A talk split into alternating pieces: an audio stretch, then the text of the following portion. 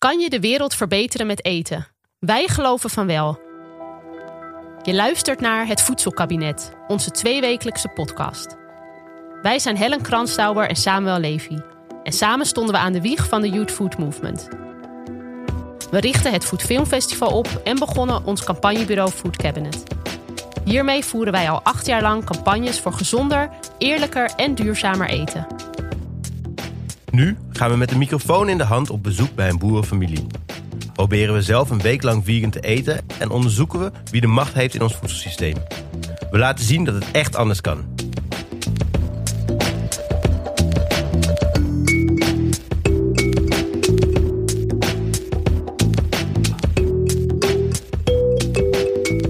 We worden met z'n allen steeds dikker. 1 op de acht kinderen in Nederland heeft overgewicht. En obesitas vormt een groot probleem voor de volksgezondheid. In aflevering 2 kwamen al tot de conclusie dat marketing werkt. Maar met name wordt ingezet om ons te verleiden tot het eten van ongezonde producten. Maar wie is er nu eigenlijk verantwoordelijk voor onze gezondheid? Wie heeft de touwtjes in handen en dus de macht als het aankomt op een gezonde voedselomgeving?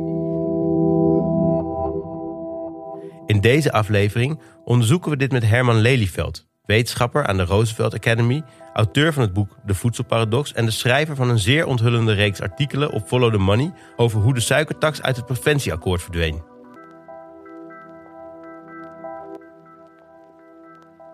Herman, wat leuk dat je er bent. Ja, Welkom in de studio. dankjewel. We zijn natuurlijk eh, al een tijdje bezig met het opnemen van deze podcast. Verschillende onderwerpen die daar aan bod komen. We hebben het gehad over voedselverspilling, over kindermarketing, een aflevering gemaakt. En dachten, ja, deze aflevering mag eigenlijk niet ontbreken. Wij zijn natuurlijk zelf al tien jaar lang ongeveer bezig met, eh, met voedsel. Op verschillende manieren, ons eigen bedrijf, eh, campagnebureau Food Cabinet.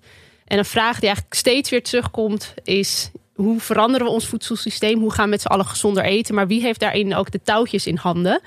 Eigenlijk is dat in alle onderwerpen die we hebben besproken inderdaad gewoon een belangrijke vraag. Of het nou over voedselverspilling of over biodiversiteit gaat. Er is altijd een vraag van, we zien dat er een probleem is. Wie lost het op? Ja, Ja, Dus we hopen vandaag de studio uit te lopen met het antwoord op de vraag: wie gaat het probleem oplossen? Als je het hebt over, over in dit geval denk ik, een on- gezondheid. ja, ongezond voedselsysteem. ja ik hoop dat dat gaat lukken. Herman Lelyveld is politicoloog, auteur van het boek De Voedselparadox en verbonden aan het University College in Middelburg. Als allereerste willen we van hem weten hoe je als politicoloog zo gefascineerd raakt door het onderwerp voedsel. Eigenlijk kwam het door ehm, het onderwijs dat ik geef in Middelburg op het eh, University College. En dat onderwijs is heel interactief. En ik zocht naar een, een leuke, interessante manier om eh, public policy, eh, beleidsanalyse eh, aan studenten te geven. Ik had dat eerst op de ouderwetse manier gedaan, met gewoon een, een tekstboek. En, en dat was ontzettend saai. En toen bedacht ik me dat het veel leuker zou zijn om te kijken naar overgewicht als probleem. En ehm, ik ben toen die cursus rondom de politiek van overgewicht gaan geven. En zo rolde ik langzaam eigenlijk in, in voedsel als, als interessant onderwerp eh, eh, om te bestuderen in. En, en, en zo heb ik in de loop der tijd eh, ja, de voedselpolitiek ontdekt als, als interessant onderzoeksterrein. En ook als, als, als, een, als een heel goed eh, onderwerp om studenten te laten zien hoe politiek werkt. Ja, Waarom is juist dit onderwerp wat studenten zo interessant vinden? Of Omdat ze zich meteen, ze kunnen zich er meteen wat bij voorstellen. Studenten zijn ontzettend bezig, ja, zoals iedereen, maar zeker studenten zijn heel erg bezig met wat ze eten. Eh, Je kan, eh, je, je, je kan meteen ze naar een verpakking laten kijken en, en, en eh, ze laten nadenken van waarom denk je dat de lettertjes zo klein zijn? Of waarom staat er in het ene land wel een stoplicht op en in het andere land niet? Dan vinden ze het ook heel interessant om te zien dat, dat die, die kwesties waar zij mee worstelen en die ze waar- waar- waarbij ze ook vaak het idee hebben dat het allemaal hun eigen individuele verantwoordelijkheid is. Dat ze zich langzaam ook beseffen dat er al die andere spelers zijn, die grotere machten, die ook een rol spelen en die misschien ook wel een verantwoordelijkheid hebben. ja. ja dat hopen we vandaag Ja. ook een beetje bloot Ja, te leggen door ons, eh, Ja. door ons gesprek. Want dat is denk ik hoe heel veel mensen ernaar kijken. Dat nou ja, dat, dat denk ik voor een heel groot deel lijkt alsof je natuurlijk gewoon je eigen voedselkeuzes kan maken. Je kan zelf bepalen in de Ja. supermarkt wat je koopt of wat je niet koopt. Ja, Maar dat daar toch veel meer eh, achter schuil gaat. En sinds eh, jij je boek hebt uitgebracht, dat is Ja. in 2016, ja, eh, ben jij hier sowieso natuurlijk mee bezig. Daarvoor ook, want je hebt Ja. het boek moeten schrijven. ja. Heb je, zie je dat er een soort van ander bewustzijn komt bij jouw studenten eh, en dat er ook dingen aan het veranderen zijn? Nou, wat ik, wat ik wel zie is dat eh, langzaam maar zeker iedereen begint te zien dat, het, dat, dat we een voedselsysteem hebben. Ja. Hè, en het debat over de productie en de duurzaamheid en het debat over de consumptie en gezond eten en gezond leven, dat begint wel steeds meer verbonden te raken. En dat is denk ik een hele goede ontwikkeling. Ja, Ja, Want dat is denk ik eigenlijk wat we in Nederland heel lang hebben gedaan, is dat we naar de landbouw Ja. en naar de consumptie als twee losse ja, individuele eh, werkvelden hebben Ja. gekeken. Terwijl Klopt. die natuurlijk één op één aan elkaar geschakeld zijn. Ja, en dat zie je ook in de manier waarop we het beleid hebben georganiseerd. Hè? Dus eh, als je als overheid eh, de productie organiseert via een ministerie van Landbouw en de gezondheid via een ministerie van Volksgezondheid, dan zijn dat twee, twee kokers die, die vaak niet goed samenwerken, die vaak ook tegengestelde belangen hebben. Dat hebben we zeker ook in Nederland natuurlijk echt een paar keer heel erg eh, gezien. Hè? Bijvoorbeeld met de, met de Q-koorts, waarbij mensen ziek werden. En eh, tegelijkertijd het ministerie van Landbouw niet eh, in eerste instantie niet wilde laten weten welke boerderijen geïnfecteerd waren. Dat besef begint wel langzaam maar zeker door te dringen tot, ja, tot ook wel de politici en de beleidsmakers. Maar zeker de, de, de wetenschap en de adviseurs. Die zijn het er wel inmiddels over eens dat we naar een voedselbeleid moeten. Kun je voor de luisteraar een soort van beeld schetsen wie op dit moment de actoren zijn in Nederland die het voedselbeleid samen maken? Ja, ik denk dat het het makkelijkst is om, eh, om, om het over vier spelers te hebben. Ja. Ehm, je hebt eh, natuurlijk de overheid die, die regels eh, stelt en die, die dat doet op basis van een, eh, nou ja, een democratisch mandaat. Wij, wij, wij, wij stemmen en uiteindelijk komt daar een regering uit die een bepaald beleid eh, uitzet. Dat is dus de overheid is een belangrijke speler. Ehm, dan heb je de markt. Dat zijn de bedrijven die, die, die produceren. eh, de boeren, de, de voedselproducenten, de supermarkten. Die doen dat om geld te verdienen. Dus daar heb je de logica van de markt. Die zullen altijd uiteindelijk zwarte cijfers moeten schrijven. Die moeten winst maken. Dan heb je de consument. En die consument die, ehm, ja, die staat daar eh, in, die, in, die, in die markt, in die supermarkt. En die krijgt een bombardement aan, eh, aan, aan, aan verleidingen en keuzes eh, voor zich. En dan hebben we nog, zeg maar, het, de NGO's, de, de, de Consumentenbond, Foodwatch, de, de non-profit organisaties, de lobbyclubs. Die aandacht vragen voor allerlei kwesties. Eh, duurzaamheid, fair trade, ehm, arbeidsomstandigheden, et cetera. Dus het zijn eigenlijk vier, vier domeinen eh, waar spelers zitten die allemaal een rol spelen in het voedselsysteem, maar die allemaal opereren op basis van een andere eh, logica.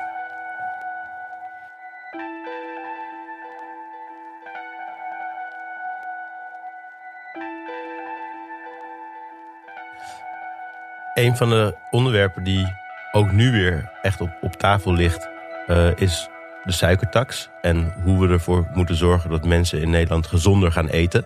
Eh, als ik het bekijk, dan is het echt iets waarbij eh, die vier partijen elkaar een beetje in een klem houden. Er gebeurt eigenlijk vrij weinig, naar mijn mening. Ik ben benieuwd hoe jij Ja. naar kijkt. Maar het is ook een onderwerp waar jij een hele interessante serie over hebt geschreven voor Follow the Money. Ja, Um, en waarbij je eigenlijk helemaal dat proces van ja. Ja. hoe, hoe, hoe komt zo'n lobbytraject en hoe komt regelgeving of geen regelgeving tot stand. Um, kun jij iets vertellen over ja, hoe je daarin bent gedoken?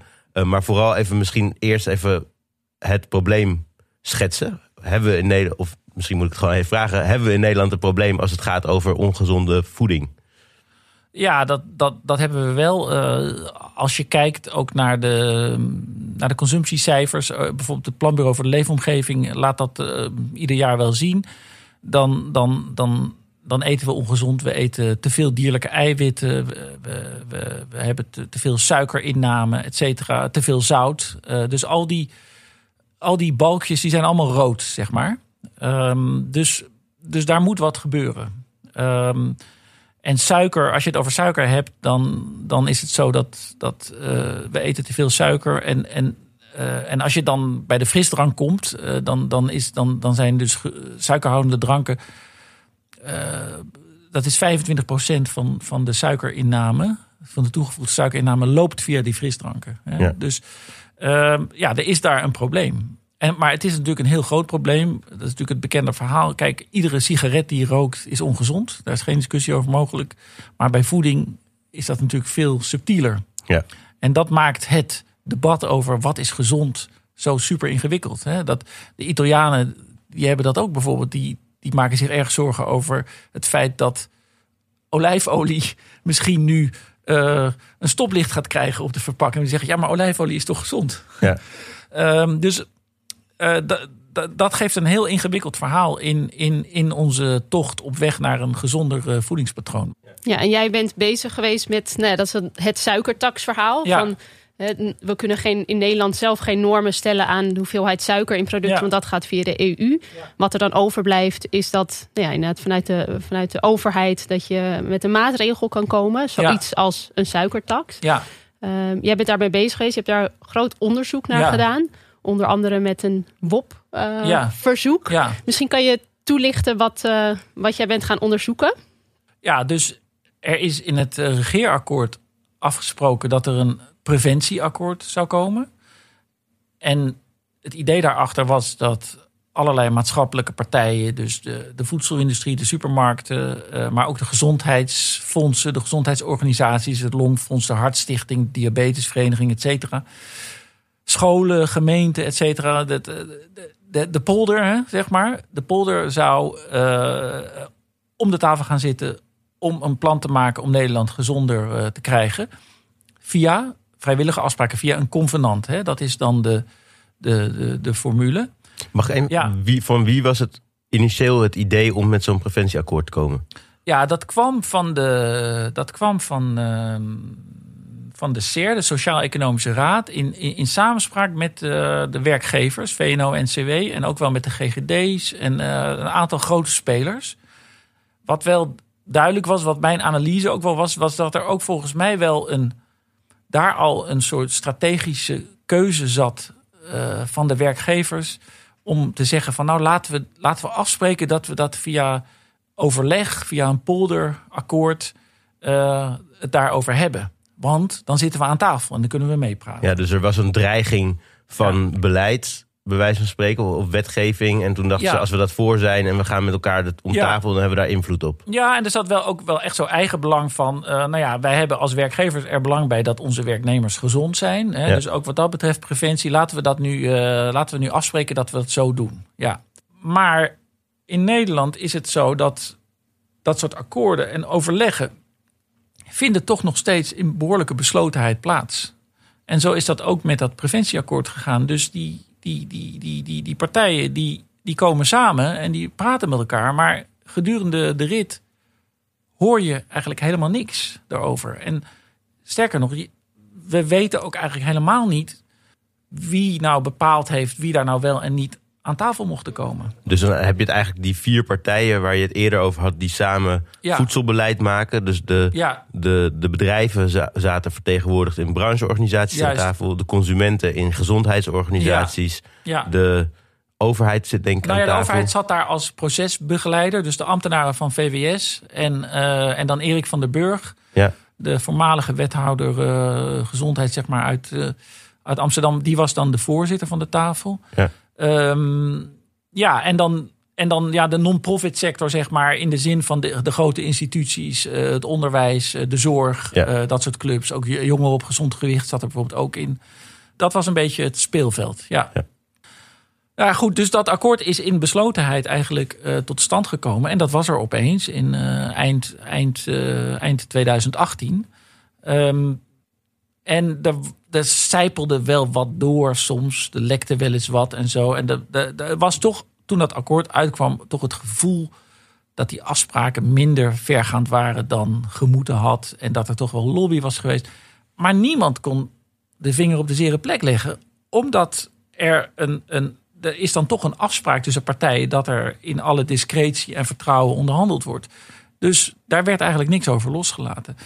En toen heb ik toch bedacht, ja, ook als, als politicoloog, uh, dacht ik van ja, ik wil daar meer over weten. Ik wil weten wat daar besproken is. Ik wil weten welke voorstellen er zijn geweest. En, en toen dacht ik van nou ja, ik ga via een beroep op de wet openbaarheid bestuur alle documenten uh, opvragen rondom die besluitvorming. En um, ja, zo, zo, zo ben ik aan mijn gegevens gekomen en mijn informatie. Ja. En kun je ons meenemen in kijk, wat de inzet was van zo'n preventieakkoord en wat daaruit is gekomen en wat dan die stappen zijn geweest waardoor jij denkt dat dat anders is geworden? Want ik denk dat jij het, het preventieakkoord zoals dat uiteindelijk neer werd gelegd teleurstellend vond. Nou, ik denk meerdere mensen toch. Ik denk dat, de, dat de verwachtingen best wel groot waren van dat er nu in gezamenlijkheid werd nagedacht over een preventieakkoord en uiteindelijk wat er dan nu op tafel ligt. En sowieso zonder die suikertax. Ja. En dat was volgens mij wel de inzet. Of in ieder geval, uh, minister Blokhuis was daar zelf ook volgens mij enthousiast over. Dus er is daar ook iets gebeurd dat dat er uiteindelijk niet in is gekomen. Ja, nou, dus wat, wat er mis is gegaan eigenlijk, is dat uh, ja, de industrie heeft het heel slim gespeeld.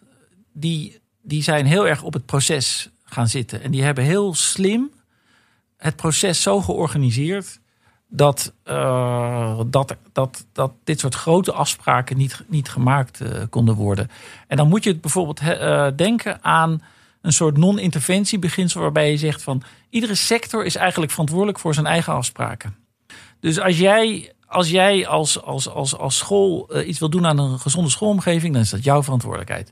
Dat betekent ook dat wij als supermarktsector ook baas in eigen huis zijn. Wij bepalen hoe ver we willen gaan met uh, iets in die supermarkt veranderen. Baas op eigenschap. Ja, precies. En, en dat, dat leidde er dus ook toe dat al vrij snel, uh, dat zat gewoon vast. En toen, toen zeiden die, die, die ambtenaren en Erik van den Burg van, nou ja, die, als die, als die supermarkten en die, en, die, en die voedselproducenten, als die gewoon niks willen, laten we ze dan maar in een clubje samenzetten. Uh, met dan de samenwerkende gezondheidsfondsen erbij. Maar er was dus een clubje van, van, van vijf. Het, het, de supermarkten, de voedselproducenten, de, de VNK, uh, de horeca. En dan zat daar de, de gezondheidsfondsen zaten dan als enige partij namens consumenten, namens hm. gezond leven. Ja, dat is verdeling. tegen één. Ja. Hè? En, en dat, dat is uh, een, een heel groot struikelblok geweest in, in het maken van die, van die, van, van die afspraken. En dat, dat, dat zie je ook in, in, in conceptversies. Uh, dan, dan, uh, dan staan er uh, dingen in over verkleinen van verpakkingen of verminderen van suiker. En dan zie je ook dat de supermarkten er dan bijschrijven met, de, met de aantekeningen van... ja, wie heeft dit ingebracht, dit voorstel? Weet je, niet overlegd met supermarkten.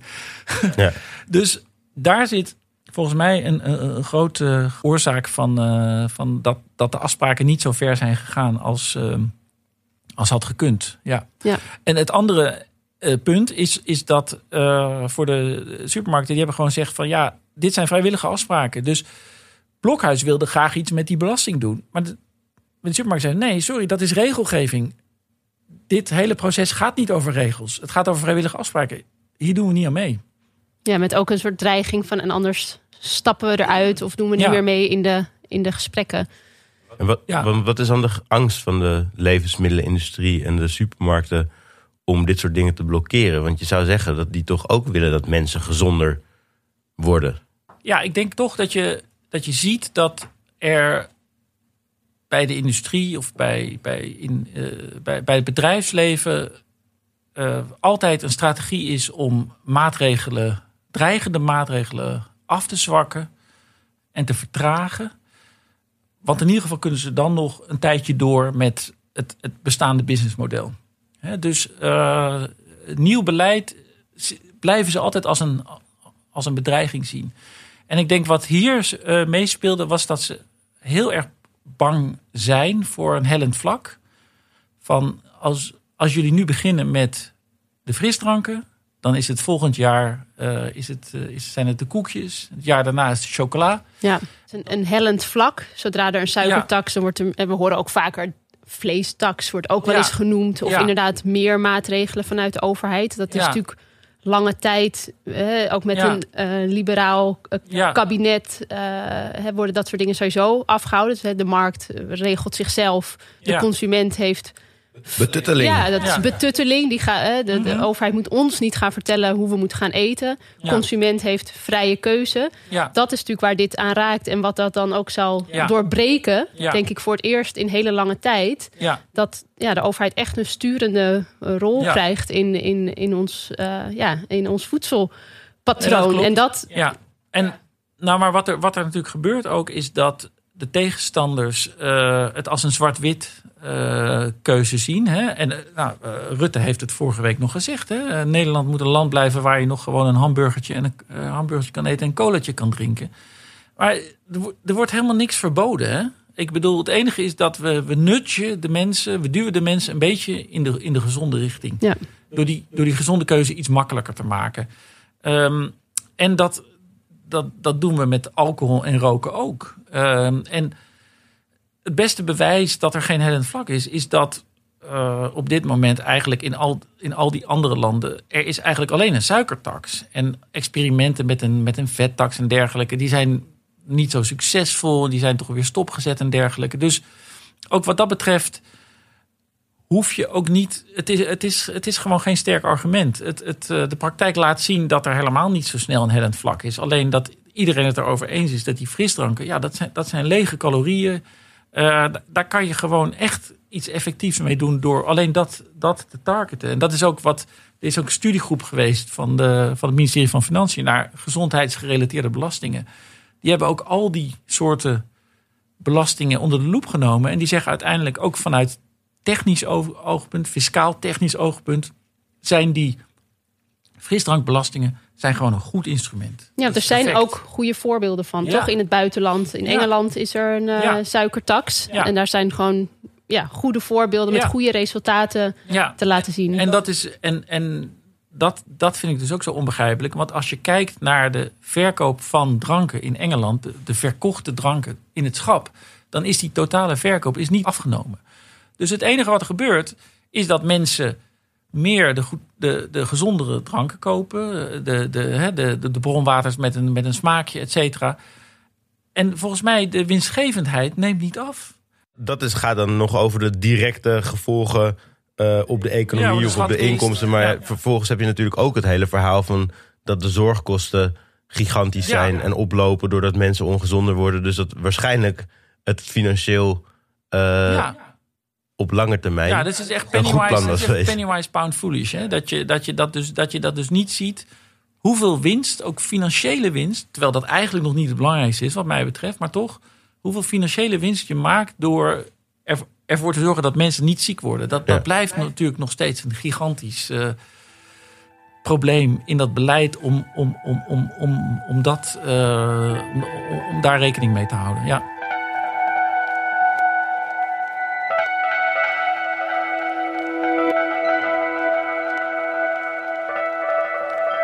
Even vooruitkijken, want de realiteit is dat er nu een preventieakkoord is waar geen suikertax ja. in zit. Uh, als we dan een beetje vooruitkijken, en het is nu najaar 2020, ook het jaar van natuurlijk corona, waarin er sowieso veel aandacht is geweest voor onze gezondheid. Ook het nemen van preventieve maatregelen om bepaalde kwetsbare groepen in onze samenleving te beschermen. Denk je dat dat misschien ja, toch wel weer ergens een, de deur op een kier zet in de komende maanden richting de verkiezingen?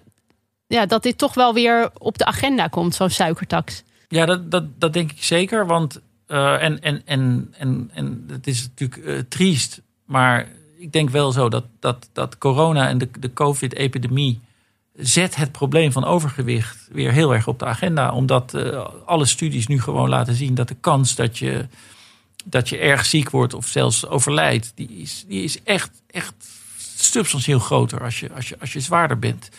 Um, dus dan heb je meteen een, een, een, een, een heel goed argument om, om weer opnieuw te kijken naar: oké, wat kunnen we nou doen om dat overgewicht te voorkomen? Ze gaan dat niet meer invoeren voor, voor de verkiezingen. Want Nee. er is gewoon een. een, een de, de coalitiepartijen hebben gewoon met elkaar afgesproken dat ze het elkaar niet meer moeilijk gaan maken. Ja. Maar kabinetsformaties zijn natuurlijk altijd wel eh, eh, windows of opportunity. En ehm, ja, we moeten kijken natuurlijk hoe, hoe de boel uitpakt. Ehm, het is overduidelijk dat de VVD eh, is de partij die dit heeft tegengehouden. Hè. Dat, heb ik, dat laat ik ook in die artikelen zien. Blokhuis wilde die taxen nog insmokkelen door het in een brief aan de Kamer te zetten. En daar heeft de VVD een stokje voor gestoken. En ook opnieuw, die zijn belobbyd door, eh, door de industrie. Ehm, goed, ja, dan krijg je die coalitie online. Het, gaat er ook van afhangen natuurlijk eh, wat voor soort coalitie er gaat komen. Maar nou, je kan je zelfs voorstellen dat de VVD gaat zwichten. En dat eh, dat toch als, als punt gaat, gaat, gaat toegeven. Kijk naar Engeland, waar, ehm, waar men er al echt al uit is. Natuurlijk, ja, Boris Johnson is daar zelf op de intensive care gekomen. Die heeft gezegd van ja jongens, eh, ik, ik ben toch wel heel erg geschrokken. En ik ben zelf ook te dik. En we moeten er echt wat aan doen. Ehm, ik denk wel, ja, als je ziet dat een conservatieve regering in, in, in Engeland nog een schepje bovenop doet, eh, dan ja, op een gegeven moment kan je daar niet meer voor gaan liggen. En ik moet wel ook eerlijk zeggen dat ik, ik wel hoop dat, dat ook dit onderzoek in deze serie, ook laat zien dat er echt wel een kloof is tussen de, de mooie glossy eh, foldertjes eh, en flyers en, en websites van de industrie, waarin ze allemaal zeggen dat ze het zo goed met eh, de consument voor hebben en met de gezonde keuze. En het echte verhaal dat je ziet bij de totstandkoming van een preventieakkoord, waar ze er dus alles en alles aan doen om afspraken af te zwakken en tegenhouden.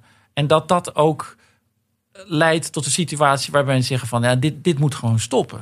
Het kan niet zo zijn dat, dat de industrie achter de schermen dit, dit tegenhoudt en, en tegen het belang van de volksgezondheid ingaat. Ja, wel interessant, want we zijn nu weer een beetje terug bij de beginvraag van wie heeft nou de macht in Ja. dat voedselsysteem. En eigenlijk blijkt hieruit dat in ieder geval het bedrijfsleven ontzettend veel macht heeft en ook Ja, eigenlijk beslissingen tegenhoudt Ja. die daarmee ook onze, ja, de gezondheid van het Ja. volk eh, ten nadele zijn. ja. Wat, ja, wat, kunnen we nou, wat kan de consument, de mensen die thuis nu luisteren, wat kunnen die nou doen om zelf weer een beetje De macht Meer een beetje macht terug te te pakken. grijpen. Nou ja, je moet, eh, als je gaat stemmen, moet je, moet je, kijken, moet je kijken waar politieke partijen voor staan. En dan kan je wel zien dat een, eh, ja, een partij als de VVD, en je kan ook gewoon zeggen, daar hebben ze het volledig recht toe, komt gewoon op voor de belangen van het bedrijfsleven. Punt uit. En die, die vinden dat gewoon belangrijk. Nou, prima.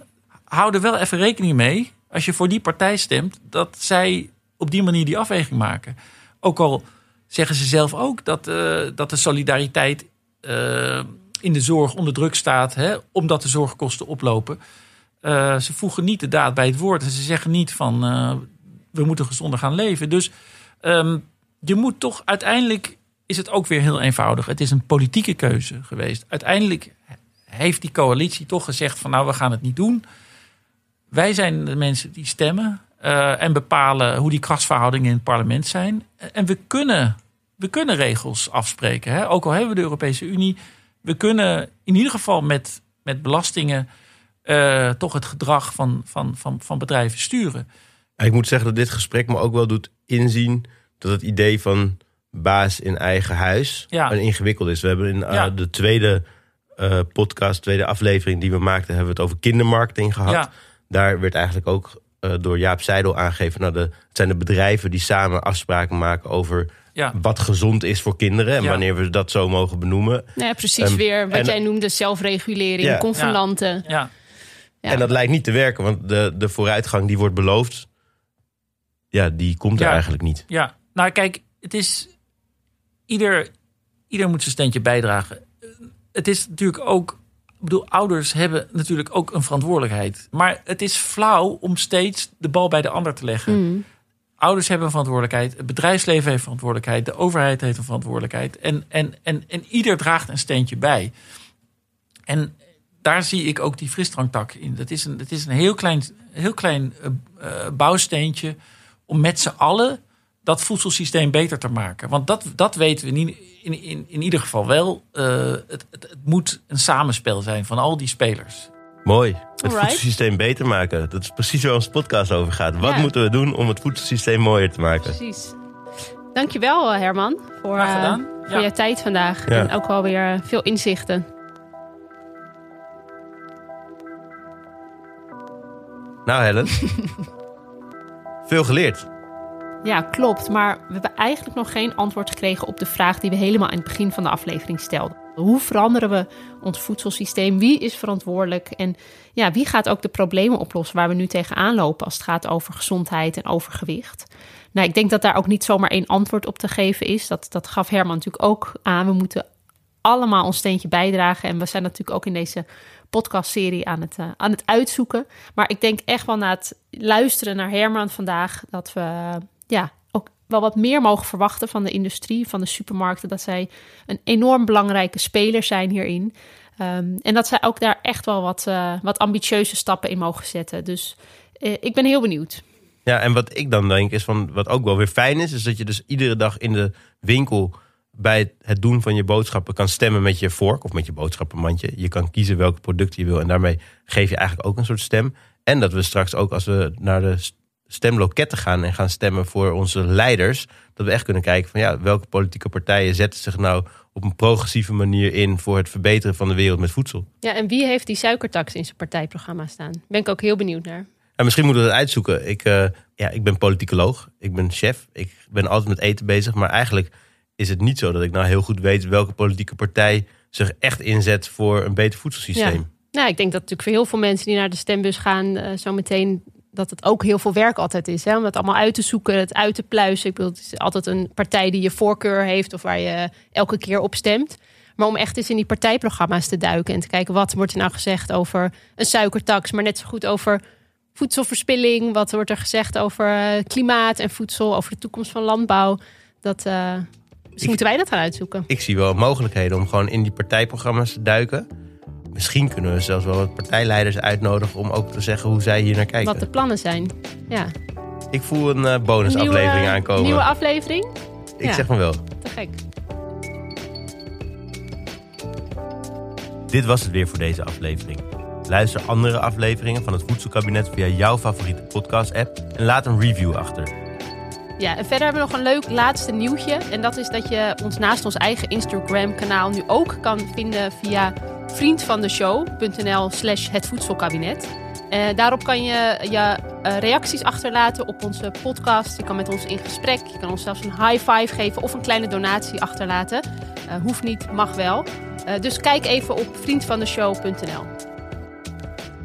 Dus ga naar de website, volg ons op social media, het Voedselkabinet, en dan hoor je ons weer over twee weken.